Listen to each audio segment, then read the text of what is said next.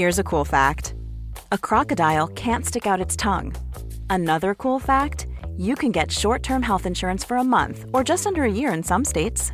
United Healthcare short term insurance plans are designed for people who are between jobs, coming off their parents' plan, or turning a side hustle into a full time gig. Underwritten by Golden Rule Insurance Company, they offer flexible, budget friendly coverage with access to a nationwide network of doctors and hospitals. Get more cool facts about United Healthcare short term plans at uh1.com. Hold up. What was that? Boring. No flavor. That was as bad as those leftovers you ate all week. Kiki Palmer here, and it's time to say hello to something fresh and guilt-free. Hello Fresh. Jazz up dinner with pecan-crusted chicken or garlic butter shrimp scampi. Now that's music to my mouth. Hello Fresh. Let's get this dinner party started. Discover all the delicious possibilities at hellofresh.com. Bögministeriet, bögministeriet, bögministeriet, bögministeriet, bögministeriet. Hej och välkomna till bögministeriet. Hur mår ni? Bra. Du mår jättebra. Varför ser du så rädd ut, Mårten? Jag är så glad ut. Ser du inte det? Jo, glad och rädd. Det är Glad och rädd. Mm. Rädd och kåt. Mitt namn är Robin Olsson och jag sitter här med Kristoffer Wallercrantz Hej. och Mårten Andersson. Hej. Hej! Den rädda och kåta Mårten Andersson. Mm. Är det du det? Watch out. Watch out. Va, va, hur är läget med er? Är Jo, det är bra.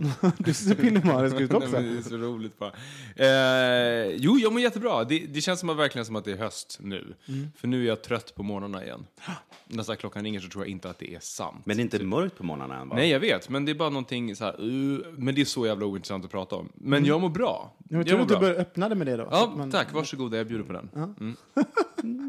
Mårten då? Ja, men jag mår också bra. Har du semester fortfarande? Nej. Nej, Jag nu har börjat jobba. Just det, bara. De här mötena sånt som du har när du börjar Så jobba. mycket möten. Nej, nu är jag igång vet du. Ja. Det Vad händer gör- grejer nu vet du. Vad är det som händer? Mm, nej, men nu är jag, har jag hoppat in och är liksom lite regiöga till en produktion. Jag kanske ska inte säga till vilken. Men eh, jag s- gör ett liksom, litet extra gig kan man säga inför en, eh, en, en produktionspremiär som ska gå av stapeln jag- nästa vecka. Får jag fråga en sak? Mm. När man, när man pratar sådana där saker, det där har man ju varit med om förut, när så här, artister som ska släppa skivor och allt sånt där, ah, jag håller på på ett projekt och kan inte säga vad. Och du håller på med en produktion. Varför, varför får man inte säga vad det är man jobbar på? Jo, men det får man väl kanske göra, men jag är inte avsändare i den här produktionen och då låter jag liksom bli och prata om ah, det. okej. Jag går liksom in med som så här extra stöd och då kan man bara hoppa över och berätta till vem. Och på Du stödhjul åt någon. Ett, tredje, ett tredje ben till någon. Just det. Mm, Ah, det fick du fantasier va? Hade ni stödhjul förresten? Jag var en sån som aldrig hade stödhjul. Jag hade stödhjul. Fast jag hade bara stödhjul i typ två veckor tror jag. För jag, blev- jag var natural på att cykla. Jag kommer inte ihåg. Jag har inga minnen av stödhjul. Innebär att man inte haft dem eller att jag har ett jättedåligt minne? Nej, att du förmodligen hade en sån här eh, triang, alltså triangelcykel, du vet, som man cyklade på. Just med så här flak där fram där man kunde lägga sten. Och sen så fick du in det och sen så bara började du cykla som vanligt. Men jag hade stödhjul och det märkliga är att man tog bort ett stödhjul först. Ja, just det. Och Gör sen, man? Ja. Jättekonstigt, så man kan bara ramla åt ett håll. Nej, men är det då så att man ska liksom kunna luta sig åt det hållet? ja, det är väl något psykologiskt sådär att man ska tro då att man har stöd från båda sidor. Just det. Tills det visar sig att man inte har det. Men gud, vad, om, ni skulle säga, om ni skulle applicera det här på, på dag, eh, livet idag. Vad är era stödhjul idag? Våra, eller vänner va? Mina vänner tänker jag, mina stödhjul. Det är dina stödhjul idag. Mm. Familj och vänner. Familj, vänner och concealer. Concealer. Den är rolig alltså. Det är ett stödhjul, i alla fall på måndagar. Och när hösten börjar. Ja. Vad, har du för, vad har du för concealer? Vad har du för stödhjul? Nej, men jag, bara- har jag någon concealer? Nej, stödhjul. Alkohol. Nej, det är det faktiskt inte. Nej, men jag skulle nog säga att det är att vara... Mitt stödhjul är nog att vara lite själv just nu. Jag njuter lite av ensamheten och att klara av allt i livet. Nej, men sen, när man har mycket på jobbet och sånt, jag, jag, då uppskattar jag att vara ensam och bara isolera mig lite. Nu har jag ju börjat lära känna dig Robin, men jag har ju varit så överraskad när jag började inse att du uppskattar ensamhet så mycket. För att man kan förta det och tänka att du vill umgås hela tiden. För att du liksom är väldigt social när du är när jag väl social. träffar ja. folk. Liksom. Ja. Ja, nej, men jag, är, jag är nog en- egentligen mer ensamvarg än vad jag är en liksom, Du är en enigma, Robin. Jag, vet, jag får alltid höra det. Så, så social, men ändå vill vara ensam. Ja, alltså det är så- Älskar människor fast tycker inte om dem från början. Ja, djupet är oändligt. Musikalartist som är ointresserad av musik. Ja. Alltså det, det är helt otroligt. Och det stämmer ju, och det är ju så överraskande också när det gäller dig. Ja, men jag, ja, men gud, ska jag, säga det, jag gillar ju musik, jag är bara inte så intresserad. Nej. Ja, men liksom, det finns andra saker att intresserad av. Ja, absolut. Det är ju liksom så. Herregud. Ja, men du sjunger gärna. Jag sjunger, det tycker jag om. Hur mår du då? Nej, men jag mår bra. Det är mycket som händer i livet. Och eh, det är... mm, Nej, men jag är lite trött också. Men det ska man inte heller prata om. Varför ska man inte prata om att man är trött? Ja, men det Jag tycker jag vi kan göra. att Det är alla- ni två som inte vill det. Nej men är det inte så? Det är ju lite kutym att, för att om, man, Ja. om man träffar någon på stan och så bara, hur är det? Då är det det, det, det, det är liksom Jo, det, det är man bra. kan säga. Det är bra, jag är lite trött. Det är ju mer kutym att man bara säger så. Ja. Att det är bra, ja. Ja. ja. Eh, Men jag Men just med tröttheten, det är som att den är också okej att säga att man är. För då, för då ger man ju iväg en del av sanningen, att all, liksom, allt är inte helt hundra. Jag är ändå, för jag är lite trött. Men man kan inte säga så här, nej men alltså gud, jag har såna, gud, jag har såna svårartade hemorrojder just nu. Det är ingenting man delar med sig av. Fast det, att säga, jag tror att så här, varför jag tycker att det är så här marigt med folk som säger att de är trötta. Ja. Det är för att ett, det suger ut all energi ur samtalet. Ja. Och två, det är ju att fiska. För då, för det naturliga svaret efter det är så här, jaha, varför då? Ja. Och då får man berätta Men det har man ju slutat med. Alla, alla har ju bara... Jag vet, vilket gör att det bara suger ut energi och så stannar det där. Vad ska vi säga istället då? Vad är, om vi nu ser, tar Om, den här om man stunden. träffas på stan? Ja. men då, det är bra, hur mår du? Och sen så om det inte är bra så får man väl ta det en annan gång. För att gå på stan och berätta, det, så så här, det finns en tid och plats, tänker jag. Kan man inte säga, hur mår du? Det är så jävla, jävla kul! Allt. Allt är så himla kul. Vadå? Nej men livet! Alltså, så det behöver inte finnas något mer djup i det. Kan inte så bara lämnar man någon med liksom... Kan man inte bara få säga att det är bra? Alltså, det är bara en fras. Jag träffade en holländare som dock sa till mig, ni svenskar frågar hur jag mår, men ni vill ju inte höra svaret. Nej. Men då sa jag, men vi, vi är inte intresserade, utan det där är bara en hälsningsfras som vi säger, tjena, tjena, så säger vi hur är läget, bra. Men, det, men vi, vi gör ju likadant när vi kommer till USA. Då där folk bara hi, hi, how are you? Man bara I'm good. De bara oh, nej, nej, vänta. Sluta Stopp, stopp. svara på den frågan. Det är som att liksom svara på eh, en host eller Ja. en nys. Eller What's någonting. up? Man bara, ehm, Um, e- everything, everything you is know, up, I you know. work and... Uh, Yeah, up. Uh, Very trees are up. Yes, Uh, also sky. Yeah. So uh, yeah, I'll have a double latte mocha. Vad nu det är för dryck. Jag har Ingen aning. Mycket god i alla fall. Vi tar en jingel på det. Okej, nu är vi igång. Ja. Eh, Jo, min chef sa härom, häromdagen att eh, skägget är på väg ut ur mode. Ehm, det, det kommer inte vara trendigt mer helt enkelt. Och att de enda som kommer ha kvar skägget, det är folk med svaga hakor. och det tyckte jag var väldigt, väldigt kul. Och så började jag tänka på folk som har svaga hakor och som då kommer insistera på kvar. Och att vi då kan titta på dem och bara mm, svag ja, haka. Ja, svag haka. Det där försöker vi fylla ut lite, lite Recessiv, käk. en recessiv underkäke. Ja, exakt. Men jag tänker att det där är ju roligt, för jag såg någon Instagram-post igår som Mm. handlade just om det. När de sa så här, och så var det en bild på en så här snygg kille med skägg. Ja. Och bara, om 20 år kommer vi se på den här bilden som vi ser på den här. Och så var det en hockeyfrilla. Ja, den såg jag också. Jag såg också den. Och det är förmodligen sant. Ja, absolut. När alla skulle gå omkring och se ut som skogstroll. För nu, nu tror vi på något sätt att modet, eller jag inbillar mig det, att om man tänker, jämför med så här 80-talet som, som var himla out there, att vi har mer generiskt mode nu som liksom kommer funka hela tiden. Det tror man nog hela tiden. Ja, Ja. Hela tiden tror man det. Och det här är så, det kommer ju inte alls vara så. Men apropå då komma tillbaka, för jag hävdar ju att efter skägget kommer mustaschen. Kristoffer som sitter med mustasch. Men det är för att han inte kan ha skägg. Ja, ja, ja. Men det är så före din tid. Ja. Så modern. I framkant. Det är det alla säger, alla säger det på alla sociala medier. Nej, men, och det finns ju fler, Att jag är så före Ja. min tid. Nej, men det, och det, det är lite det jag tänkte vi ska snacka om, att allt går i cykler. Och det, och det har ju mer saker som har gått i cykler som har kom- kommit tillbaka nu på sista tiden. I alla fall för ett par år sedan nu så var ju husfru-trenden, som var liksom kanske det värsta man skulle kunna kalla sig, var att man, man vill liksom... Var hemmafru. Ja, vara hemmafru och, och pyssla hemma. Det var ju überpoppis. Och det, efter det i efter vågorna av det ser man ju alla bakprogram och allt för det. Eh, och sen så, så tänker jag så här, eh, jeans, en vida smala byxor. Och sen så även en liten sak så här, Eh, Sverige har ju varit antirasistiskt väldigt länge och nu är vi ett rasistiskt land helt plötsligt. Det är tillbaka. Rasismen är tillbaka med, med stora kliv. Sådär. Eh, När var rasismen här senast? Det var 90-talet va? Tidigt 90-tal? Ja, då När, hade vi när det var lite... skin- skinnskallar och sånt där. Fast är det inte mer... Lite, men 80-tal hade vi inte ens... Alltså Ny ens- Demokrati var väl i början på Ja. 90-talet? Ja, Och där- Ultima Thule och Ja. VAM och allt det här. Det Ja, var ju början- där omkring. Början på 90, mellan på 90, ja. Men då var vi liksom, då hade, hade ju folk inte koll, så folk problematiserade inte på samma sätt då heller. Så det var liksom, det var i periferin någonstans. Men det var ändå, det var då senast som rasismen verkligen florerade. Men man måste ju säga att det har accelererat oerhört mycket. För om man tittar på det mörkbruna Europa som finns idag, det fanns ju inte riktigt på samma sätt. Nej. Det är väldigt tydliga högervindar som blåser på många, många När du platser. säger mörkbrun så menar du den politiska färgen och inte hudfärg. Nej, Nej, jag menar huden. Nej, såklart jag menar Det är bara- politisk. den politiska färgen såklart. Såklart. Obs, om det är någon som skulle missuppfatta detta. Ja. Mm, bra. Nej, men, eh, och så är det ju. Och jag tänker på en annan tydlig grej var att eh, innan jag blev tillsammans med Ulf till exempel, så hade jag aldrig varit på sidetrack. Det här var ju liksom 20, eh, 2009 eller någonting. För det var inte riktigt, alltså lite läd, alltså, det- nu säger jag inte att sidetrack är en läder bara, men det var ändå björn, läder, den hade liksom en lite tydligare eh, Den var lite profil mer sådär. skruffig än Lite torget. skruffigare än torget. Och torget var ju under många år ett fint ställe. Som var så här, det var lite snajdigare. Nu är det ju tvärtom. Torget är ju... Alltså det är så trashigt på torget. Det är ju det, förlåt alla, men det är ju verkligen inget snajdigt ställe nu för tiden. Det är ju, Nej, det är ju inte. det är ju dit A-lagarna går för att sova typ.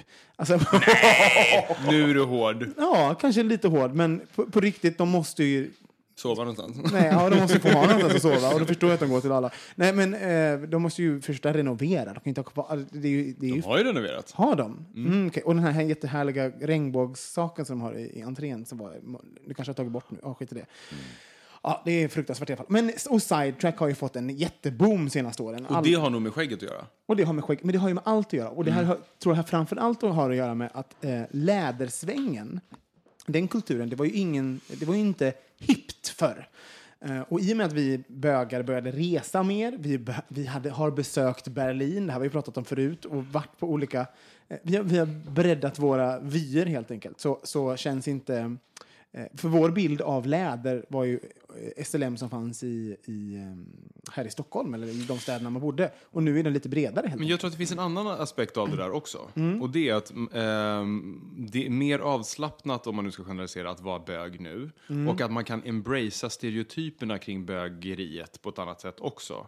Och så här, läderbögen har ju alltid varit, alltså så här, för mig, så när jag var så ung så var det någonting som man så var lite så här, gud vad tokigt. Så här, läderbög, här 70-tals liksom homos. Och sen så blev, började det nästan som att så här, fan det är lite coolt med de här Tom av Finland-grejerna och att liksom och att man börjar embracea det och helt plötsligt så blir det mer och mer och så liksom, åker man på sådana fester och tycker att de är kul. Och så, alltså att man ser det i ett helt annat ljus än vad man har refererat till det som innan. Och i och med att man, i och med att man får rättigheter och att man får liksom... Eh, vi, vi behöver inte... mm, Vi, inte, vi är precis som ni heterosexuella. Då kanske man kan säga så här, ja men på riktigt så här, det, nu kan man vara så nej men jag gillar läder och gå med rövlösa byxor liksom på helgerna. Det är, det, det är inte lika... Och framförallt så kan Out man, och man kan framförallt ha friheten att välja lite själv från gång till gång. Jag menar, vi, bara i det här gänget så har vi gått allt ifrån läder Berlinklubb till liksom transfest på, liksom i Stockholm och allt däremellan. Ja. Så här. Eh, och det är ju det som är så skönt i den friheten, att man får välja själv och att man så här, nu har vi en, en jag menar, ni hade ju en fest här där temat var lösnaglar. Alltså, det är ju så djupt homosexuellt. Ja. Ehm, Men håller ni med att, Liksom. att lädertrenden, det, alltså det, är ju, det är ju verkligen, den, den kulturen är ju het nu. Det är ju varenda Absolut. het bög har ju ett harness. Alltså så här, mm, jag kollade på Harness igår. Ja, jag menar, eller het bög, man behöver inte vara het bög. Men, men så här, Nej, men det jag menar med det, att det finns någonting, eh, folk som kanske inte vanligtvis eh, tillhör till kulturen, men som ändå tycker om, tycker, eh, kan sexualisera det och se det som någonting snyggt och vill ha det på sig, här, utan att man nödvändigtvis vill tillhöra eh, själva. Nu ska vi inte trampa i den här, eh, sist sist vi trampade i läderklaveret, vad jag kan säga. Ja, Vad var det vi sa då? Att, de klädde, att, folk, Att att vi klädde ut oss. Ja, vi klädde ut oss, ja precis. Men att det mer handlar om att man Ja. besöker och att man liksom är en besökare. Och Ja. precis som, som liksom SLM-bögarna eh, som verkligen identifierar sig med det, de kan också gå på andra ställen och liksom, alltså så här, vi är friare i det där än vad det har varit Vi kan förut. hoppa in och ut i olika grupper. Ja. Vi behöver inte bara identifiera oss med en grupp. Man Och det gör vara- vi ju hela tiden, i Man kan vara massa också. saker.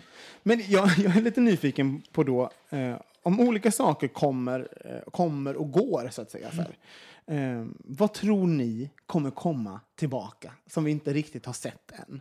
Eh, Alltså när det gäller bögkulturen så tror jag liksom den så här mer slicka eh, looken kommer komma tillbaka. För det blir alltid en motreaktion på något sätt med en look eller en preppy, stil. the preppiness. Dit kommer vi hamna tror jag, Mm. så småningom. Jag tänker så här, att historien är framtiden och då kan vi bara liksom blicka tillbaka lite sådär.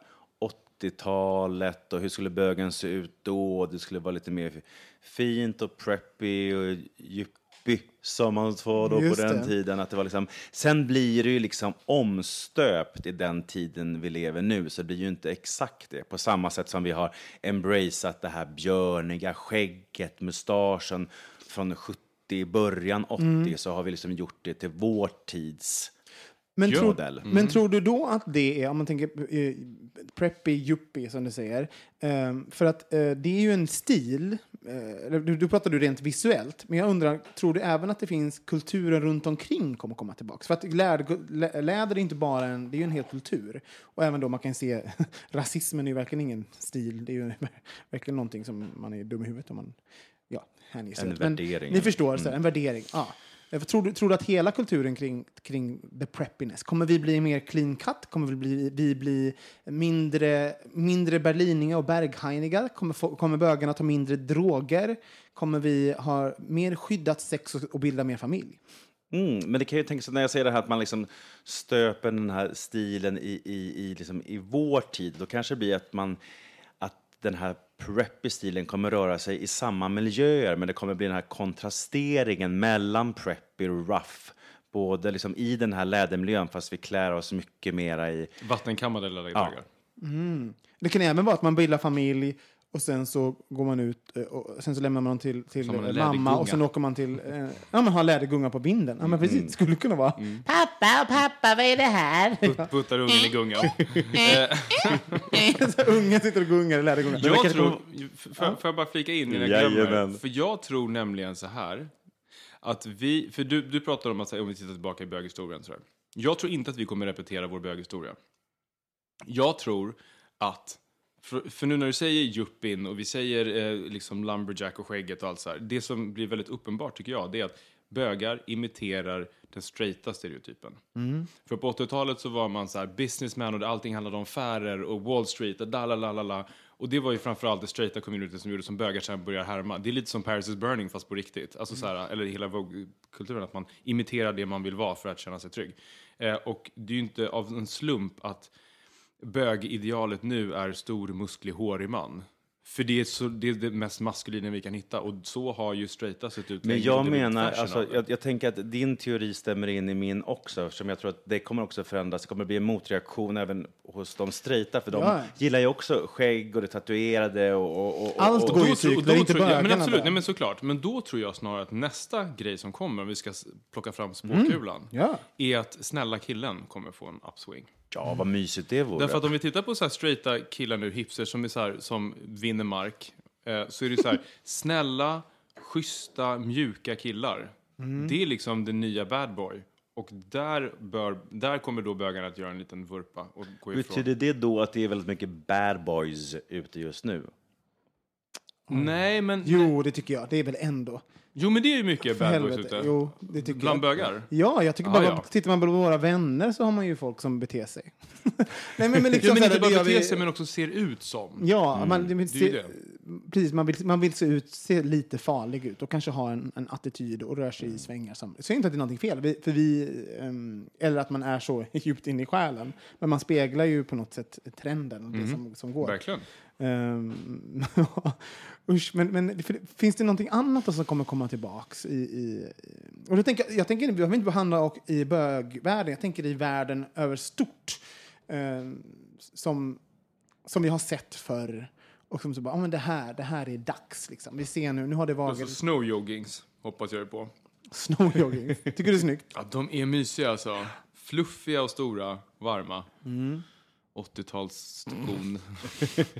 Ja, de har, har de varit tillbaka? Jo, de har kanske varit tillbaka en sväng där. De har ju kommit tillbaka i form av Uggs lite grann. Just det. Alltså, I form av populärkultur tänker jag väldigt mycket att man kanske vill mer tillbaka till det akustiska, alltså, eh, ljudbilden kommer komma tillbaka, att vi lämnar det ele- elektroniska, kommer tillbaka till någonting som känns mycket mer jordnära, mer liksom, ja, autentiskt. Och samma sak när det gäller kanske när det gäller tv och film, vi vill inte ha reality shows, vi vill ha drama, vi vill liksom ha, vi vill ha real stuff, riktigt liksom hantverk på olika sätt. jag tror ju snarare då att som realityn är ju någonting som aldrig kommer gå ur. Alltså reality-tv kommer ju alltid finnas kvar. Jag Tror att, du det? Ja, jag tror faktiskt det. Och för att det är, det är av ekonomiska skäl också. Det är rikta en kamera och sen händer saker. Så det är billigt att göra. Eh, Men sen älskar ju folk, ver- ver- verkligheten eh, överträffar ju dikten många gånger. Men jag tror däremot att folk är lite trötta på det här liksom tillgjorda. Alltså så här, ehm, Ex on the beach. Ja, men liksom så här nu när man ser, oh, men det här skulle aldrig hänt om inte liksom, ni, kameran hade varit där och vi placerar det där. Jag tror liksom det här att filma av någonting som händer organiskt, det tror jag att vi kommer, mer dokumentärfilm och sånt, alltså sådär, som vi var mer, om man tittar på SVT hur det var på 80-talet, alltså sådär, den där grejen, sen kommer det inte se ut så, men jag tror att det finns en längtan efter någonting eh, på riktigt sådär. Något jag också tror kommer komma tillbaka, fast det är mer frivilligt, det är ju att avstå att bli nådd. Det var man ju liksom ofrivilligt tidigare. Det fanns liksom, då fanns ingen telefonsvar, det fanns inga mobiler. Men nu kommer vi liksom göra valet av att inte bli nådda i mycket, mycket högre utsträckning. Det gör jag redan faktiskt, alltså sådär att jag Och det är ju ändå en utveckling redan, eller hur? För i början ville man bli nådd hela tiden och tycker det är fantastiskt. Ha, ha, hur, hur känner du för det, Kristoffer? att bli nådd, Att bli nådd. stänga För, av. ja, för nu är vi kontakt, kontaktbara hela tiden Mm. i alla olika... Eh, jag tycker att... Det var, en, det var ju faktiskt en, en liten övning för mig nu i somras när jag åkte på semester. För då var jag på en plats där det inte fanns nätverk på så sätt att man kunde surfa när man var på stan. Utan det var bara när man var hemma som man hade wifi. Och jag var inte hemma på dagarna, utan jag var liksom ute. Ehm, så att min telefon funkade ju typ, kändes det som. Den funkar inte, så här, det är klart att den gör, men inte utifrån det användningsområden som jag har. Ehm, jag var jättestressad i tre, fyra dagar. Sen var det så skönt. Att inte kolla mejlen, att inte kolla Instagram, att inte kolla alla sådana saker. Det var jätte, jätteskönt. Ehm, men i längden blir det tråkigt. Så jag, tror, jag tror att det kommer bli att man så väljer tidpunkter på dygnet när man bara nu, pang, nu stänger jag av här. När man kommer hem från jobbet till exempel. Att så här, man tar inte med sig mobilen till gymmet, man, så här stäm, man stänger den borta. Liksom. Det tror jag i mikro, mikropauser snarare än så här hela sjok av tid. Jag kommer säga emot er båda och säga att vi kommer absolut, det kommer vi aldrig sluta med. Vi kommer, vi kommer alltid bli nådda från och med nu. För att hela, hela vår värld har... Eh, alltså, samhället håller ju på att förändras så att man faktiskt kan bli nådd. Jag tror allt i vår omgivning kommer vi kunna bli nådda genom väggar och allt vad det är. Liksom. Jag tror att det kommer... Det har, det har liksom... Genom väggar kan man bli nådd på ens basement. Ja, precis. Nej, men förstår ni? Och, och det, har, det har liksom påverkat vår kultur och hur vi, hur vi umgås och, och socialiserar med varandra så mycket. Jag tror aldrig att vi kommer... Eh, Och jag är inte så stressad över det mer. För, alltså jag minns när så här, Facebook och sånt ehm, kom. Då kände jag mig väldigt stressad av liksom det här... blip, Och att man fick notifieringar och allt det var. Jag är inte alls så stressad av det. Men det är mer så här, jag kan, ja, okej, det där händer där. Det är sitt, i sin egen lilla, un, lilla universa. Som jag lärde mig på filosofiska rummet. Universa. Universa, det är universum i... ehm, Singularis. i nej, plural. Ja, Ett universum, flera universa. Man får, för övrigt, om ni känna er lite smarta någon gång och lite dumma samtidigt, lyssna på filosofiska rummet. Eh, Det är fantastiskt. Ja, så, så tror jag. Men vad kommer inte att komma tillbaka då?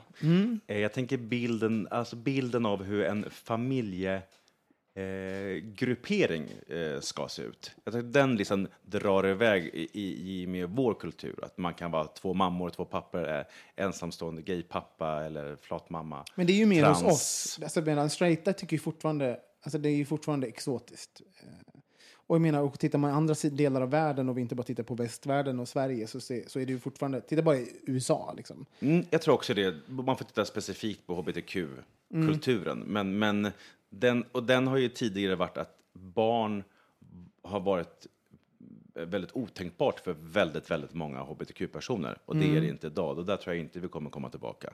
Jag hoppas inte högstadiet kommer tillbaks. Det hoppas jag. Det är fan det värsta som skulle kunna hända. Att, så här, att jag vaknar imorgon och sen så bara ligger jag där lite rörligt och, och, och liksom så här, lite tjock i min Angereds säng. och bara inser att jag ska träffa Pamela, Sandra, Wara och Anita och gå till skolan snart. Då hade jag på riktigt hoppat ifrån min balkong. Nej, inte riktigt, men, nu, men det, var inget, det var ett skämt. Nu, nu ser ni så här. Hur mår du? Nej, jättedåligt faktiskt. Men själv då, Robin, vad tror du? Som inte kommer komma tillbaka? Jag tror... ehm, nej men jag tror allt kommer komma tillbaka. Jag vet, jag vet inte riktigt. Det finns ju saker jag hoppas inte kommer tillbaka. men jag vet inte riktigt. Du, har du någonting, Kristoffer? Nej, alltså så här specifika grejer. Jag tror liksom, alltså så här modegrejer som inte kommer komma tillbaka tror jag. Men, men jag tror att... ehm, nu var det sig jag som öppnade upp med den frågan, vad kommer inte tillbaka? Så kom jag på en sak som jag tror kommer komma tillbaka. Och det är en ny hippierörelse. Den kommer komma tillbaka. Ja, det tror jag. men För den är ju redan här med säkert, grön, eko, Jo, absolut. Alltså, från, utifrån det perspektivet, men jag menar också den sexuella frigörelsen. Bland de straighta, tror jag. Kommer komma. Jag tror att det även det kommer komma tillbaka bland gay, för i och med Truvada och Prep och sånt, att man kan, ehm, eh, ja, men som faktiskt är, eh, för, man äter förebyggande för att inte bli smittad av HIV, så, eh, bland annat. Det har ju gjort att folk, bög, det har ju påverkat bögkulturen hur, hur bögar har sex väldigt mycket. Det är ju mycket mer os, eh, oskyddat sex nu, och det ser man på så här, sex, eh, förlåt. Alla andra infektioner ökar. Ja, eh, statistiken så HIV minskar jättemycket i Sverige, pratar vi nu, medan alla andra infektioner ökar jättemycket. Så att vi knullar ju uppenbarligen mycket mer utan kondom. Men eh, vi... Jag tror folk knullar mycket mer, punkt. tror du? Ja, jag tror faktiskt det. Det Tror känns du? så. Nej. Jo, jag Det är tror bara det. du som knullar mer. Ja, det kanske det är, men jag tror att... Jag tror, att, Jag tror verkligen folk knullar. jag tror verkligen folk har jättemycket mer nu. det, är bara, det är bara för att du så här insett så här, du har legat med alla så det är bara, folk knullar så mycket Alltså nu. det är så mycket knullande nu va? Nej men jag, jag, tror, jag tror det för, för att ehm, jag tror att hela samtalet kring sex och hela eventuell stigmatisering och, och det heliga kring sex i gayvärlden eh, upplevs inte alls lika starkt nu som för tio år sedan. Och det kanske är för att jag var yngre då och det var den annan värld jag såg, men jag umgicks ju också med folk som var betydligt mycket äldre. Så att jag tycker ändå att jag har sett att så här, det, det är mer frigjort nu.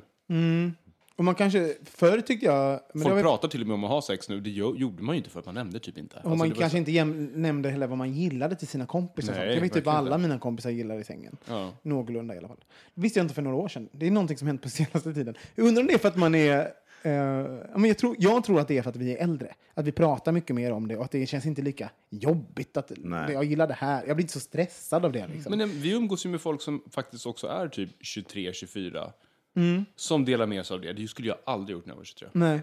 Men de lär ju sig också... De, man kan, också säga att De de, um, umgås med oss.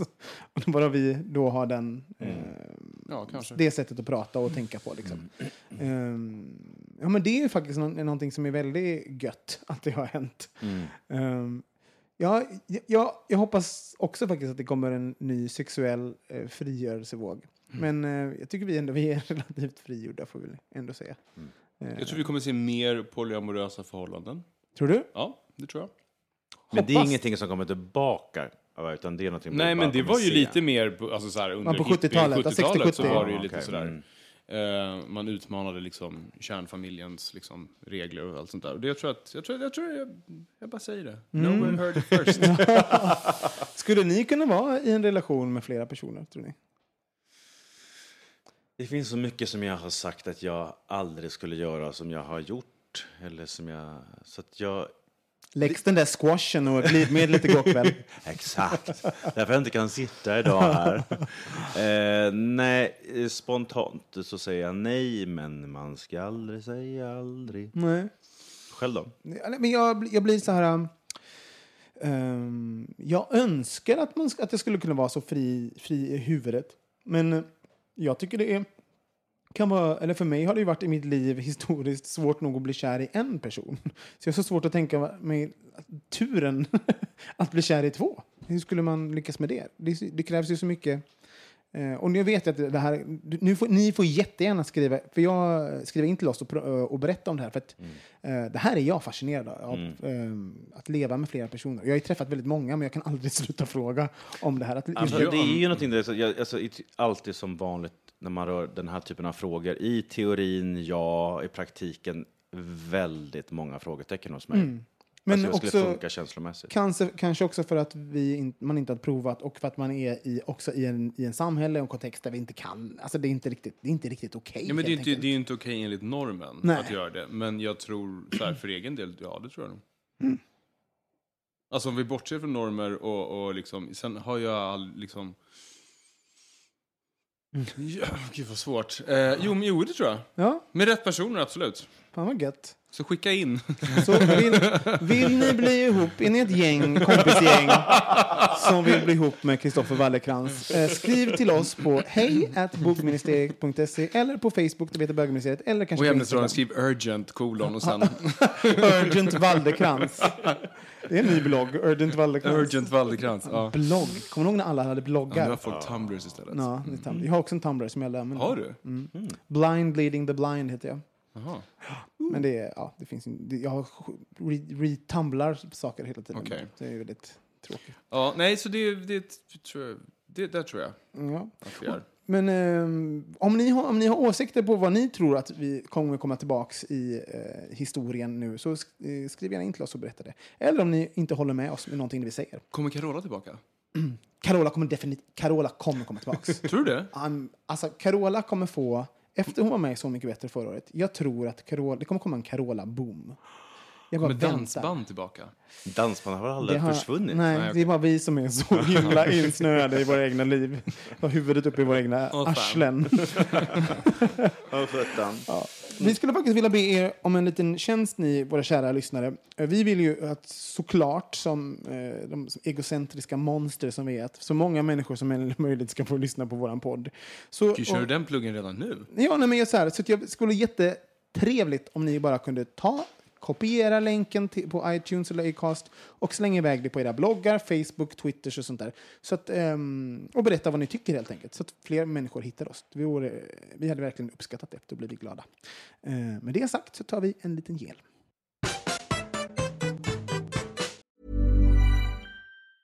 Hey, I'm Ryan Reynolds. Recently, I asked Mint Mobile's legal team if big wireless companies are allowed to raise prices due to inflation. They said yes. And then when I asked if raising prices technically violates those onerous two year contracts, they said, What the f are you talking about, you insane Hollywood ass?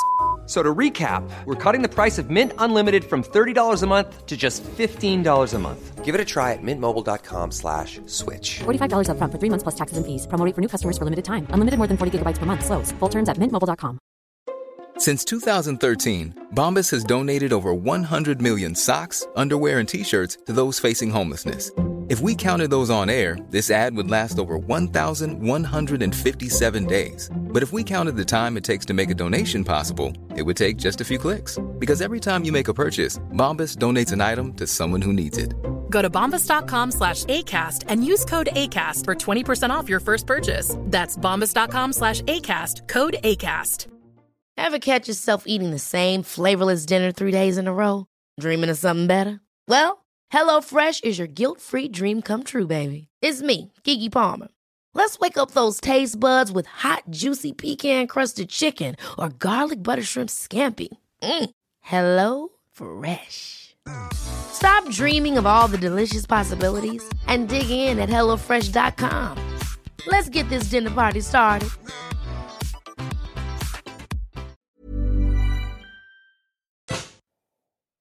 Ja, du, kör, du är min tur då. Mm, för jag har ju nämligen, jag tänkte på ett ämne som lite hack, jackar in i det som vi pratade om. Eh, Hackar in, hackar in. Det hackar sig in. Så Så aggressivt. det vill verkligen in. Eh, och det har att göra med att igår eller förrgår så bokade vi återigen resor till Berlin, jag och eh, några kompisar. Ja, du bland annat.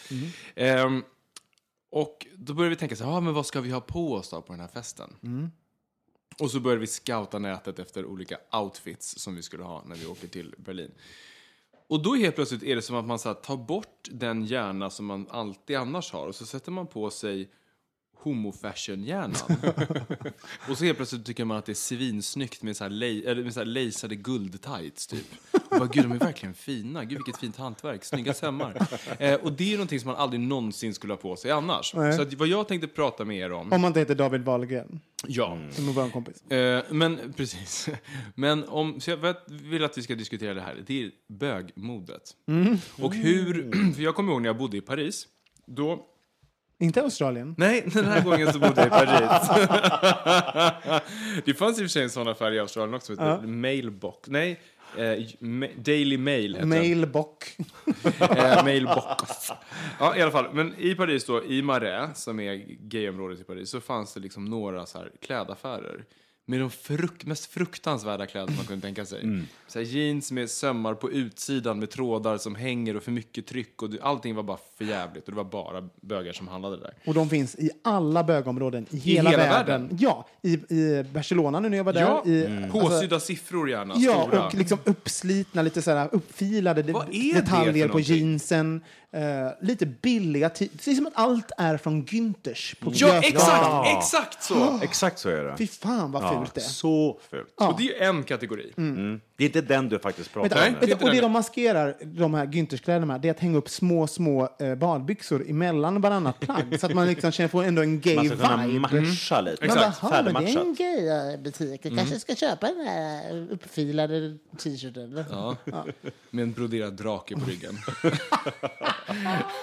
så det, men det är en grej. Men det var inte riktigt den jag tänkte på. Utan Nej. jag tänker på eh, när man på riktigt sätter sig och väljer harness, som jag kollade på igår. Som jag aldrig har köpt i hela mitt liv. Och man blir så här, mm, vilket material ska det vara? Att Man blir så väldigt som om det vore liksom en Hugo Boss-kostym.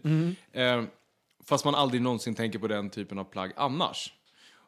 Bara det fenomenet tycker jag är lite spännande. Att Men vi alltså, den kastar den butiken goda i Paris, smaken. var det någonting... Nej, det var bara ett sidospår. Ah. Jag, jag kände att jag, det, för, för det är så här, så, eller nej, apropå det vi pratade Du om ville bara berätta med att du bott i Paris. Jag bott i Paris. så. Nej då, men Har du bott- apropå bott det vi pratade om. jag har också bott i Sydney. Eh, nej, men när, när vi eh, eh, pratade om ämnet innan, det här med att komma tillbaka. Jag tror att då, för det här var alltså 2001, det är ju liksom 14 år sedan. Som, som du bodde vadå? Som bodde i Paris. Jaha, okej. Ja. Eh, då var det liksom gay-modet. Det, det som så här, alla så här, ah, men nu ska vi gå ut och vara lite fräscha på Queen. Och så gick man dit och handlade. Och nu när vi ska till Berlin, då köper man på Barcode eller på Gear eller något annat sådär liksom märke som är lite mer fetischigt liksom.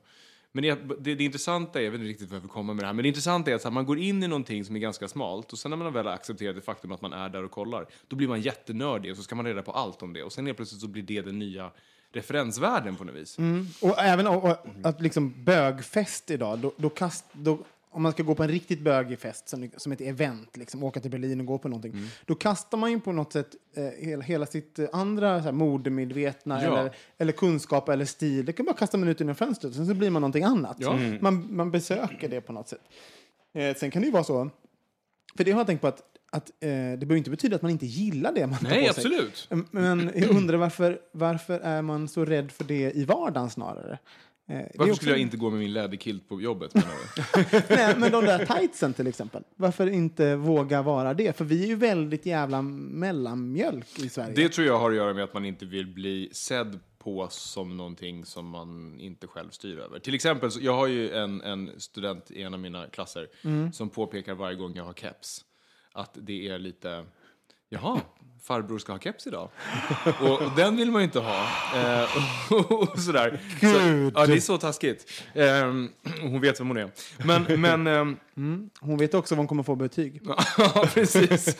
Men det är ju också så att går man med tights till jobbet en dag, då vill man ju också sen vara konsekvent, vilket betyder att man skulle behöva by- byta ut hela sin garderob. Just det, du måste bli, du måste bli killen i tights. Ja. Hela tiden. Och det ska liksom matcha ändå med glasögonen och, och ytterjackan och skorna och sen ska man liksom leva upp till det där på något vis.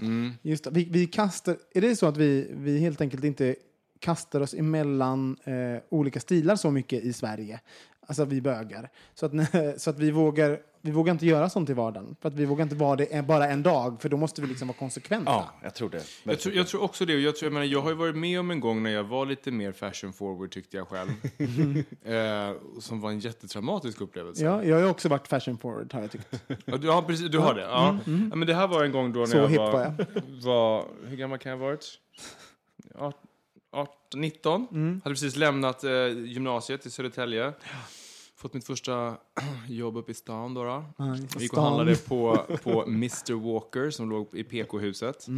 Eh, dyr affär, fula kläder. Eh, där köpte jag ett par skotskrutiga byxor i beige. Mm. Men det var jättepoppis dock. Just det, beige också. Ja, men det var lite alternativt. Det var inte den här röda, utan det var beige liksom. Och eh, på ena vaden då så var det en jättestor japansk sol med ett japanskt tecken som gick över. Och sen så köpte jag också en, eh, en guldblus. Alltså Ja. en, en topp då. Blues är det absolut roligaste ordet Ja, att blu- säga blues, ja. när man pratar om Ja. kläder. Så hade jag en blus. Jag vet inte vad det är. Det är Ja, men det var liksom en, en långärmad t-shirt fast den var i guld och lite, lite genomskinlig. Och sen så hade jag också, för det var ju ganska kallt, för det var höst, så hade jag också en rock. Naturligtvis en mockarock med päls. Eh, Såklart. Så, som vad har man har. annars till guldblus? Ja. exakt. Och det kan ju hända att solen var ändå framme så att man hade också par jättestora, ni vet såna här liksom, antilopglasögon. De här jättestora Dior-kopiorna. Gud, fast du låter ju jättehipp då. För då måste Det- du varit jättehipp. Jag var så hipp på typ två gator inne i Stockholm. Men sen så åkte jag och skulle vara lärarvikarie i Södertälje. Åker till Södertälje i det här. Går in på en högstadieskola. Så. Ehm, och går fram och tillbaka till vektor, eller expeditionen och ska så här. Ja, och så, så går Och jag. erkänn, du, när du gick där, Catwalk. Då, ja, du kände dig så hipp. Ja, men jag var så här, folk fattar inte. I'm Nej. above. Ja. Och så går jag med mina skor så klick-klonk, klink-klonk i den här liksom långa korridoren. Och så går jag förbi några killar som tittar på mig. De bara, ursäkta, är du gays? Varpå jag säger, nej. Verkligen inte! Och klick-klock, klick-klock, klick-klock, klick-klock, klick jättesnabbt bort därifrån. Och det var så traumatiskt och så jobbigt. Så att ehm, efter det så kommer jag nog inte ha tights på jobbet. Nej. Jag tror, förstår du? Så, här, det, så det är en av anledningarna till varför man inte spökar ut sig så mycket. Fast du skulle kunna ha det nu, för när, när nästa gång du går förbi de killarna, de bara är du gays? Jajamensan! Hade du gjort snap och sen hade du gjort en mm, liten Death drop hade gjort. En death drop hade du gjort. för det är det som är skillnaden. Jeff, mamma! Ja. Du kunde inte äga dina byxor Nej. då, det kan du idag. Ja. Men hela den här klubbgrejen som du pratar om, jag tänker att det blir något typ av ingenmansland. Det blir så tillåtet när du säger att ni ska åka på klubb och ni kollar på kläder. Man vet så här, det här är liksom, här råder det helt andra normer, helt andra regler. Man kan verkligen gå runt med ett par tights och komma undan med det. Även om du har passerat kepsåldern så är det liksom helt okej. Men det, så för var inte så länge sedan, men när jag var mellan åld, alltså jag tyckte ju själv att jag var supertrendig mellan liksom 16 och kanske 28. Oj, det var ingen, det var ingen dålig... Ja, sen, alltså från och till, men liksom, oftast var det liksom när jag blev, var lite Jag tror du skulle deprimerad. säga 16 och 17. Nej, nej jag, alla de åren så tyckte jag att jag var ett riktigt modelejon. Är det sant? Ja, jag var så hipp tyckte jag. Läser Alltså, modemagasin och lite Ja, sådär. jag hade full, mycket mo, blogg, modebloggar. och Mycket bara, så mm, Ja, du bloggade ju så mycket. Ja, och jag kollade runt och, bara, och tipsade folk. Så här, så här är snyggt. Jag, bara, men jag, vet, jag vet ju nu, jag har ju inget fashion sense alls. Jag, har ju- jag har ju ingen aning om vad... Du är riktigt, också ointresserad av fashion. jag är inte alls intresserad. Jag har egentligen aldrig varit det. Jag, men jag ville väldigt gärna vara en person som tyckte om mode. Så att jag, liksom, jag, jag hade jättedålig koll på vem jag var. Men är det inte alltid så? För jag, jag, jag jobbade ju på Sturecompagniet när Regnbågsrummet fanns. Ja. Som var liksom en sån här cool eh, VIP-rum inne på Regnbågsrummet, eller på Sturecompagniet som var gay. Mm. Så i den här liksom, på den här platsen där stra- straight mecka i Stockholm så fanns det ett litet rum som nu är en damtoalett. Bara så att ni får en känsla av hur litet rummet var. Eh, som var liksom gay. Och, och så stod jag där som pointer och pekade på folk som fick komma in och vilka som inte fick komma in och sådär. Och då hamnade man också i någon typ av hybris i en klubbmiljö och då var det återigen nya regler som gällde. Så att jag kunde ju stå där på riktigt i eh, i eh, jeans som var blåa, som jag hade eh, knutit. Doppat i klorin så att de var så här spräckliga, liksom skinheadsaktiga. Så fräsig. Fräsigt va? Och sen Jag så hade kan mode, jag vet att det är fräscht. Ja, exakt. Ja, precis. så Jag jobbade på. Stureplan. Och så hade jag en, eh, en eh, Bagheera träningsoverall. Ah, Eh, alltså jacka. Och sen så över det hade jag en kostym. Mm. Alltså en kavaj, förlåt, kavaj. Och sen hade jag benvärmare på underhänderna. Oj. Jag var så fashion. Jag har också it. sett bilder från den här tiden. Att de ens släppte in mig på Det Sturecompagniet. låter ju mer som att du var hem, hemlös. Ja, exakt. Tog det som låg I någon- Myrornas ja. ta vad Exakt du vill. så. Exakt hög. så. Men jag tyckte att jag var liksom fräschare än liksom Rebecca Fiona. Jag kom bara på nu, det var faktiskt mellan 16 och 26. För 20, sen Ja jag, men gud vilken skillnad det blev. Gud bra. nej men 10 år var det ändå som jag tänkte att jag var, att jag var trendig. Men också därigenom så gick jag också i oli, jag hade liksom olika perioder där jag, där jag var liksom olik, hade olika moden. Jag var ju, jag var ju liksom rock ett tag. Det är också kul när man är rock som mode och har ingenting med kultur, helt ointresserad. Jag var bara svarta kläder, så har liksom kedjor. Så, oh my God, så himla rock. Hade du en Matrix, eh, liksom rocken? Ja, lite sån lång svart rock. Och, så, och även då, tänk då, då hade jag inget skägg, var blond, jobbade med musikal. Alltså jag var så orock man kunde bli. Jag var ju liksom Kristin, Kristina från Duvemålas syster i liksom svarta kläder. Det var ju det jag var. Liksom. Åh, men det är ett, en sak som jag är så himla glad att, eh, och jag hoppas att det inte kommer komma tillbaks, på tal om det förut, och som jag även är glad att jag aldrig anammade. Och det är rave-mordet. För herre min ge vad fult det är. Och ibland ser man ju dem. Ja, ja, ja, ja, Man ser de som har, de bara, de där byxorna har du haft. Ja, men du har haft dem. Också även sen du var på rave på Dockland sist. Mm. Det där har du sparat. Och så går han så här, och det är Åh, jag vill veta vad de jobbar. Jag vill bara se vad springa efter och vi vill bara hänga med dem i 24 timmar och se hur är livet nu för de här ravarna som liksom även fortfarande håller... Som nej, hamnade jag på tänk- Saturn Return i Ja, stan. och jag bara, som, som så här, nej, jag tänker inte, det här är mitt liv, rave. Men de finns, ju- de finns ju. Och det är Ja. ett ganska stort community. Och så har de dreadlocks i, i, i ljus, eller så här, neonlila. Med åtta arter av skalbaggar som bor i dreadsen. liksom. Men, men jag tänker att där, för jag hade ju en sån, jag har haft många perioder, men jag hade ju en sån också. När jag handlade så här ufo-byxor, så här stora prassliga med trådar som hängde. Eh, och eh, tröjor med någon så här space cut i någon plast som stack ut och sånt där. Gick Det du har på jag haft. rave då också eller? Nej, jag hängde med Robert Fuchs. och typ var så här, lite, Robert. jag var lite så här tuff på tipptopp, men jag var inte på rave. Nej. Jag var på Docklands en gång. Alltså, så i det där, är the story of my life. Jag, jag såg något, och sen så, eller träffade någon som var på ett visst sätt och sen så bara apade jag efter dem i några månader, Mm. eller, eller kanske max ett år, och var sån. Och sen så hade jag ingenting. De, de kunde då vara punkare, hårdrockare, alltså allt. Eller ett tag var det även, skulle jag bara klä mig fint i skjortor och kostym. Alltså så, lite sådär. Jag bara, ja, för att jag hängde med någon som gjorde det. Och sen så insåg jag, men det här är inte... Men ni var så extravaganta båda två. Jag kommer ihåg att jag ville liksom tona ner så mycket som möjligt. Det var så himla kopplat till att jag var gay. Jag ville, liksom inte, jag ville, jag ville både ta plats men ändå inte synas på något Mm. sätt. Så att, liksom att genom att klä sig så... så Mörka kläder och stort hår. nej, men typ en collegetröja på jeans. Ja, otroligt så. Hur- Inte se mig. Hur, vill, hur tog du plats då, som du säger? Ja, men ge- genom, genom mitt jobb, jag höll på med teater redan då och tog plats på det sättet Ja. väldigt mycket. Eh, och gick den typen av utbildningar och så. Men sådär privat, liksom. Jag såg något kort, jag gick på någonting som heter Skara skolscen som är så här förberedande scenskoleutbildning kan man säga. Och jag kollade på det klasskortet bara för något år sedan. Och då såg jag att det som längst bak stod en kille med liksom en neddragen keps. Jag bara, men det är ju jag Ja. som står där. Men vad, vad, vad, vad du...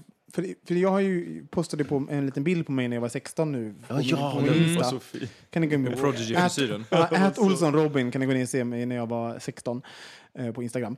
Eh, jo, men för, för då var jag så här, jag, hade ju en, jag har ju en bild i mitt huvud hur jag såg ut när jag var 16. Ja. Eh, Jag tyckte att jag var tjock och ganska ful. Alltså sådär. Och jag var ju urgullig. Mm. Jag var ju supersöt. Och även om liksom, kanske inte det mest mm, trendigt forward. nu för tiden. Mm. Men då var jag ju ganska tuff. Sådär. Men hur kände du Mårten när du ser den här bilden på Skara skolscen? Är det samma bild i huvudet som du såg på fotot? Jo, men jag kommer ihåg det, att jag, att jag ville liksom hålla, hålla tillbaka så fort det skulle vara foton eller någonting sånt. Men även nej, men privat, jag ville hålla mig liksom väldigt, jag ville inte sticka ut. Mm. Men för att jag inte ville bli avslöjad som gay. Alltså det här var liksom innan komma, komma ut Mm. eh. Men på Skara Solgren hade du väl kommit ut? Nej, efter det kom jag ut. Jag kom ut ganska... Jag var, ja, men det var där 1920. 35 där, liksom, någon gång. Nej, men jag var 19, 1920 där. Mm. Mm. Va, vad, eh, och tänkte du då att om jag drar ner kepsen riktigt långt, då Så jag märker ingen att jag är bög? Och det Då märker de inte mina ombrebryn som jag har målat över hela pannan. Så kom ihåg det nu, all, om det finns någon liten smygis där ute som lyssnar på oss. Om ni vill bli, liksom, för, förbli i garderoben, ta en keps, dra, Dra ner ner den den ner nu. i pannan. Ingen kommer märka att ni är bög. Det är foolproof. Mårten har testat. Han kommit ut från när han var 35. Nej, 20, 22 eller vad det var. 20. 20, okej. ja, ja, ja. Herregud. Ja. Nej, men det är roligt det där vad man... Vad man är, har du sett bilder på dig själv, Kristoffer? Ja. Och har, har du samma mentala bild som du ser ut på bilden? Nej, alltså när jag var, när jag var liksom 14 så trodde jag ju att jag såg ut som Michael Jackson. Eh, också för att jag brände in löshår i pannan så att det hängde ner som på Michael Jackson. eh, och gick omkring i glittriga baddräkter och sånt där. För att, ja, men jag såg någon bild när jag står i hallen och gör en Michael-pose. Kläderna är ju för jävliga. Men, mm, men jag känner ändå igen mig. Och jag känner så här, ja, fan, det där var... Det, för det, alltså, det är klart att när jag ser den bilden så ser jag ju liksom Kristoffer som 14 och jag liksom kommer tillbaks i hela det headspacet på något vis. Så jag, tyck, jag tyckte jag var lite gullig då. Det är ju liksom, jag har inte så mycket... Det är ganska bra synk där. Däremot så trodde jag nog att jag var coolare än vad jag kanske var. Liksom. Det är roligt det där, för det, det var en ganska... Den här bilden som jag postade var... Det var jag fick verkligen en aha-grej, för att jag... eh, Jag tror att jag fortfarande har ganska dålig koll på hur jag ser ut mot vad jag i huvudet och hur man ser ut egentligen. Eller nu har jag bättre, men, men också historiskt så inser jag att även om jag har sett bilder från den tiden förr så gör jag hela tiden om dem i mitt huvud till att passa så som jag kände mig då. Så att liksom backtracka mina egna minnen och göra om dem. Så att jag blir förvånad när jag ser och bara, men gud, det där är ju en urgullig liten estet 16-åring. tror det är en ganska vanlig erfarenhet när man ser gamla bilder på sig själv. Bara, Men, ja, men det där var väl inte så pjåkigt. Nej. Vad höll jag på med? Och tänk om man bara kunde få en, ett uns av det, den synen och, och kunna berätta det för sin 16-åring. Eller liksom bara få en att känna det liksom, när, man var, när man är verkligen. 16 och förvirrad och känner sig dum och ful och, och saker händer i kroppen och sexualitet och allt. Och man bara, men det där är liksom, du är superfin. Det blir bättre. Det blir bättre och det är, du är superfin. Så det, ja, det hoppas jag att ni, ni vet om, alla ni 16-åringar som lyssnar ute. Vi tar en jingel. Yes. Hörni, det har kommit brev här igen. Eller ska man säga mejl? När man säger brev tänker jag alltid på ett fysiskt Tänk på brev. bullen. Ja, mycket bullen. Det vore så himla fint om man fick ett fysiskt Mårten, jag tycker du får säga vad du vill. brev. Mm, härligt. Det kom ett brev. Det kommer korrespondens. Men ingen avsändare. Nej. Hallå, jag är nyfiken på hur det är att vara öppen gay inom olika yrkeskategorier. Under de- Hemskt! Så, tack så mycket. Punkt. Under de senaste åren har jag reflekterat mycket kring öppenhet på arbetsplatser. Vilka miljöer är toleranta och så vidare. Har man fördomar om, om vart man kan vara öppen och vart man inte bör vara det? Jag hade såna fördomar. Är sjukt nyfiken på andras pers- perspektiv i detta. Punkt. Ja, hörni, det har gjorts en undersökning av LO, förvisso från 2011, men eh, den kan vara relativt relevant ändå. Och då har man gjort en undersökning, det är tusen personer man har pratat med. Och i den här undersökningen så visar det att 22 procent av de tillfrågade LO-medlemmarna har fördomar om hbtq-frågor, alltså frågor som rör homo, bi och transpersoner. Eh, och eh, när det gäller att vara, eh, att vara öppen med sin sexuella läggning på jobbet så svarar 17 procent att det inte går. Och kanske det som är mest eh, anmärkningsvärt det är att 41 procent inte skulle säga ifrån om någon drar ett nedsättande skämt om hbtq-personer. Eller hbt står det faktiskt eh, här. Är det någonting som överraskar? Nej. Nej. Eller det som jag tänker på är så här. Eh, si så här många har fördomar om. Hur, hur säljer man en sån fråga? Ja, och vad är en fördom? Och vad är en fördom? Jag har också fördomar om hbtq-personer. De flesta stämmer. Nej. Nej, men, ehm, men fråga, om vi börjar med första frågan där. Vad var det, om du backtrackar lite grann. Mitt nya ord uppenbarligen. Jag har sagt det tre gånger nu, backtracka. Vad fan är det för jävla ord? Jo, men om, om vi har fördomar kring vart man kan vara öppen och inte vara öppen på arbetsplatser. Ja, så är det ju. Alltså, det är ju svårare i vissa yrken och på vissa arbetsplatser än vad det är på andra. Så det är ju bara, det är bara en fakta. Ehm, sen tror jag, inte att, tror inte att situationen ser ut som den gjorde förr i, i nästan något yrke i Sverige. För att vi har, vi har en lagstiftning som skyddar oss. Vi har eh, en kultur i Sverige som kanske är mer eh, förlåtande än i andra länder och kulturer. Men jag tror definitivt att det finns till exempel macho, eh, eh, yrken med machokultur och sånt som kan vara mycket svårare. Ja, för jag tänker det där med lagstiftning hjälper ju till en viss grad, men det är väl det känslomässiga där, alltså socialt och hur ska det funka att ta sig Men det emot. med lagstiftning säger är, eh, att, eh, att ett land har lagstiftat emot homofobi och, och att vi har rättigheter och liknande.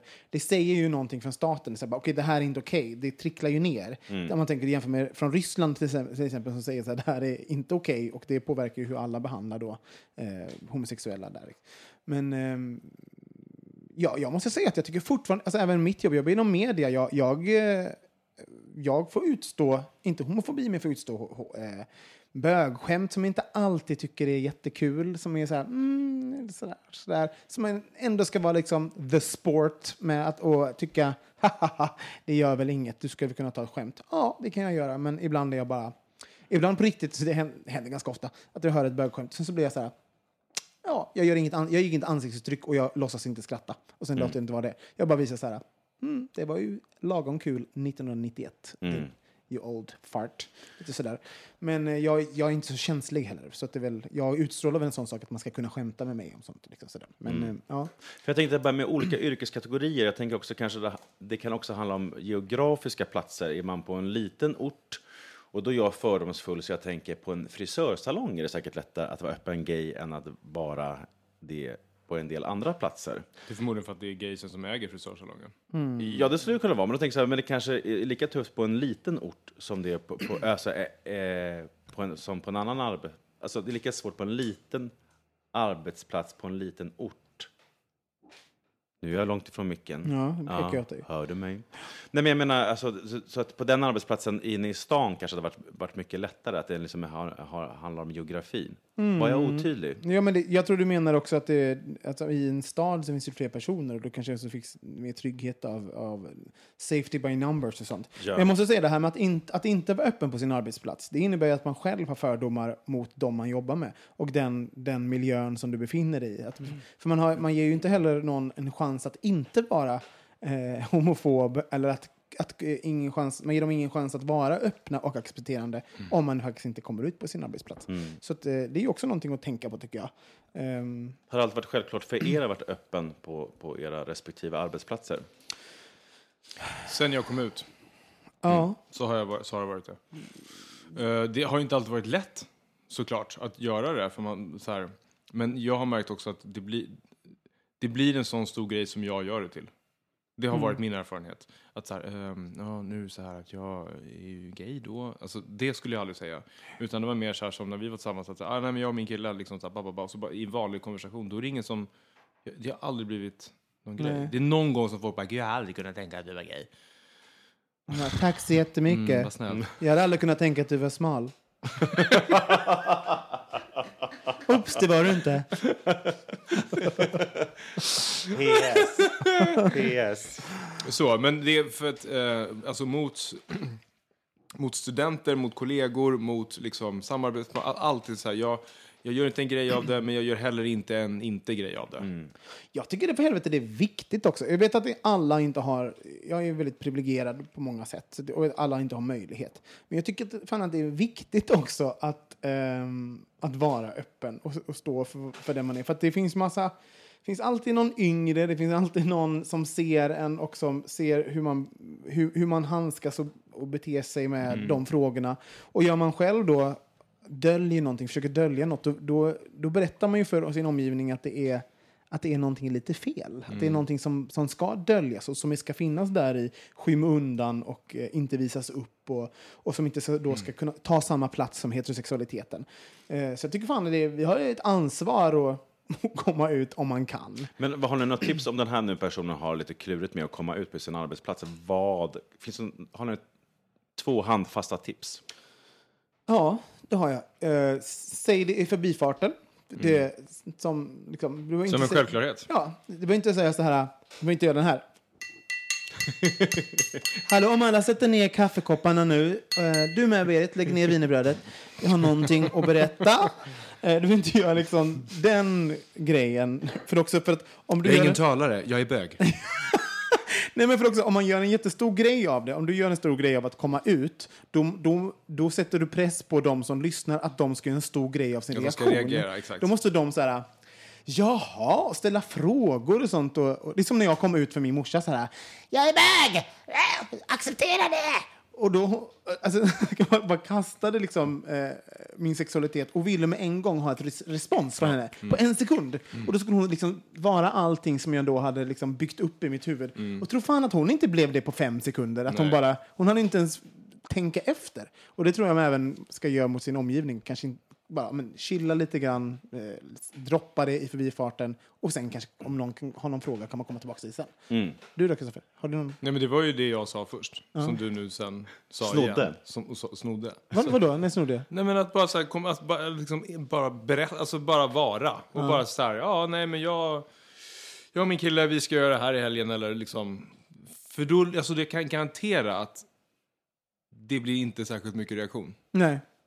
Och, det- och det är ju gött också, att det inte ska vara... Nej men det, det är väl lika mycket värt att reagera på det som att någon säger jag och min tjej. Alltså det är ju inget att reagera på. Och sen kan man ju säga så här, det beror på hur gammal du är och vad, i vilken stadie av din komma ut-process och så, så kan det också vara att man ibland vill ha en reaktion. Alltså man, kanske har du ett större behov att prata om det här än vad din omgivning har. Så att, eh, ja, så att liksom, när du säger det, eh, kolla läget bara hur, hur folk man kanske bara, jaha, Ja, och så här, och helt ärligt, ma, vi, ingen person har ansvar för en annan persons reaktioner. nej. Och det är också viktigt att komma ihåg att så här, du ansvarar bara för hur du liksom behandlar dig själv och hur du väljer att leda dig själv och förhålla dig till dig själv. Eh, och sen om folk reagerar, då får de reagera. Det är deras grej att liksom, då får de deala med det. Och även har du ansvar för att städa ut kylskåpet de veckor på, i personalkylskåpet. Som, eh, att rensa ut det. Annars på blir, de tider du annars ska. blir den där bögen tvättar ju aldrig ja, kylskåpet. din Ja. Mm. mamma jobbar inte här. Eh, och eh, då kan vi också säga så här att det är Förstår ingenting vad jag sa just. Nej, inte jag heller. Så jag går över lite, till lite hands-on grejer här. För att om det är någon arbetsgivare som möjligtvis sitter och lyssnar på den här podden också så finns det en väldigt enkel checklista som du kan använda dig av som fackförbundet Vision har sammanställt. Och lite snabbt, det är sex punkter som faktiskt är väldigt bra. 1. Höj kompetensen. Ge alla chefer och medarbetare en grundutbildning i hbtq-kompetens. Vad är hbtq-kompetens? Kuk. Nej, men på riktigt, vad är det för Det någonting? finns eh, utbildningar att gå. Det är som, eh, Nej, men vad är det man lär sig? Nej, men till exempel att förutsätta inte att alla är heterosexuella. Prata inte kontexten som att eh, du Mårten och din flickvän, vad ska ni göra? Om det inte, för, alltså, Okej, det är sådana saker. Ja, norm... Right. Normkritisk Ja, no- normkritisk kritik. Se, ja, bla, bla. 2. Kartlägg. Genom en anonym enkät kan du stämma av vilka värderingar och kunskaper som finns hos medarbetarna när det gäller sexuell läggning, arbetsklimat och diskriminering. 3. Gör en handlingsplan utifrån det som kom fram i kartläggningen. 4. Bryt tystnaden. Uppmärksamma hur ni pratar på arbetsplatsen. Hur skämtas det och vad skämtas det om? Vart går gränsen? Utgå inte från att alla anställda är heterosexuella, precis som du sa då Robin. 5. Se över anställningsavtal. Det ska inte finnas skillnader mellan enkönade och tvåkönade par när det gäller till exempel efterlevande, efterlevande pension och anställningsformer. Och slutligen 6. Se över rekryteringen. Var tydlig i platsannonsen med att alla oavsett sexuell läggning är välkomna att söka. Mm, det är bra. Det är bra. Jag gillar speciellt det där med att vara tydlig med vad man får skämt om och inte får skämt om. För det är ju någonting som verkligen så här, för helvete, en chef kan säga till om man hör någon, någon säga homofobiska eller rasistiska eller sexistiska skämt som händer. Eh, eh, Då, för helvete, om du är en chef, säg till. S- Bara stäng ner det där illa snabbt, för det där sprider ju sig som löpeld när folk får känner att Det de där är intressant därför att det blir ju... Eh, det sprider sig inte för att folk är ondskefulla utan för att det bidrar till en kultur. Och Ja. eftersom att vi har precis har pratat om det här olika sammanhang man ingår i, man ingår i olika kulturer. Ibland så är man del av en förtryckarkultur utan att ens reflektera över det. Mm. Och därför är det så himla viktigt att så här, faktiskt fundera på vad man själv bidrar till för typ av, av dialog och samtal. Mm. Det är superviktigt. Hörni, vad, eh, nu börjar det närma sig vårt lilla slut här. Känner du dig nöjd med Ja, jag, jag, hoppas, jag känner mig nöjd. Jag hoppas att du känner dig nöjd som skrev brevet. Tack snälla du. Tack, tack, tack. Nu, vi, på fredag så är det ju Baltic Battle. Det är nu- då vi släpper. Så här kommer vi vara lite passé den lördag. veckan. På lördag? Är det lördag? Nej. Jo. Ja, skit i det. Baltic Battle är i, I helgen. I Stockholm. Ja, det kommer bli kul. Ska ni gå pojkar? Ja. Gud vad härligt. Vad ska du ha på dig? Mm, Min läderkilt såklart. Den kan jag använda en gång om året så då får jag Är du naken under din läderkilt? Kanske. Kanske. Är du naken under kalsongerna? Eh, nej. Nej. Där, där har jag min lilla, lilla string. ja, precis. När jag har långbyxor på mig under. Du då, Mårten? Ska du på Ja, jag vet inte, jag vet inte. Kanske. Får se. Ska du? Själv då? Ja, jag hade tänkt att jag skulle gå. Men eh, sist kom jag inte, jag kommer inte ihåg vad som hände med kvällen. Den bara försvann och sen så gick vi därifrån. Sen var det slut. Det var jättekul sist. Var det? Ja, det var fantastiskt. jag kul? Ja, du hade jätteroligt. Ja, varför inte? Det är ju dresscode och sånt. Men, eh, Ja, det är dresscode som man ska, det är, absolut. Det är en superkul fest, så att, eh, kom till Bal- Baltic Battle så kan ni säga hej till, hej till oss också. Ehm, tack för att ni lyssnar. Eh, vi ses igen, eller hörs igen nästa vecka. Puss och kram. Puss och kram, hej då! Hej!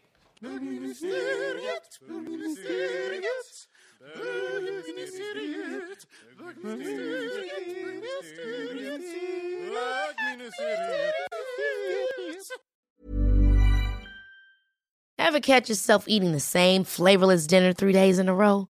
Dreaming of something better? Well, HelloFresh is your guilt-free dream come true, baby. It's me, Kiki Palmer. Let's wake up those taste buds with hot, juicy pecan-crusted chicken or garlic butter shrimp scampi. Mm. Hello Fresh. Stop dreaming of all the delicious possibilities and dig in at HelloFresh.com. Let's get this dinner party started. Want to get a chiseled look in the jawline? Sculpt and shape your jawline with added volume from Juvederm Volux XC. Juvederm Volux XC is an injectable gel specifically designed to be robust enough to improve moderate to severe loss of jawline definition. And it is the first and only hyaluronic acid filler approved for the jawline. Add volume to your jawline for a chiseled look with Juvederm Volux XC. For important safety information and to find a licensed specialist, visit juvederm.com. That's J U V E D E R M.com. Not for people with severe allergic reactions, allergies to lidocaine, or the proteins used in Juvederm. Common side effects include injection site redness, swelling, pain, tenderness, firmness, lumps, bumps, bruising, discoloration, or itching. There's a risk of unintentional injection into a blood vessel, which can cause vision abnormalities, blindness, stroke, temporary scabs, or scarring. Talk to a licensed specialist to find out if it's right for you. Visit juvederm.com. That's J U V E D E R M.com.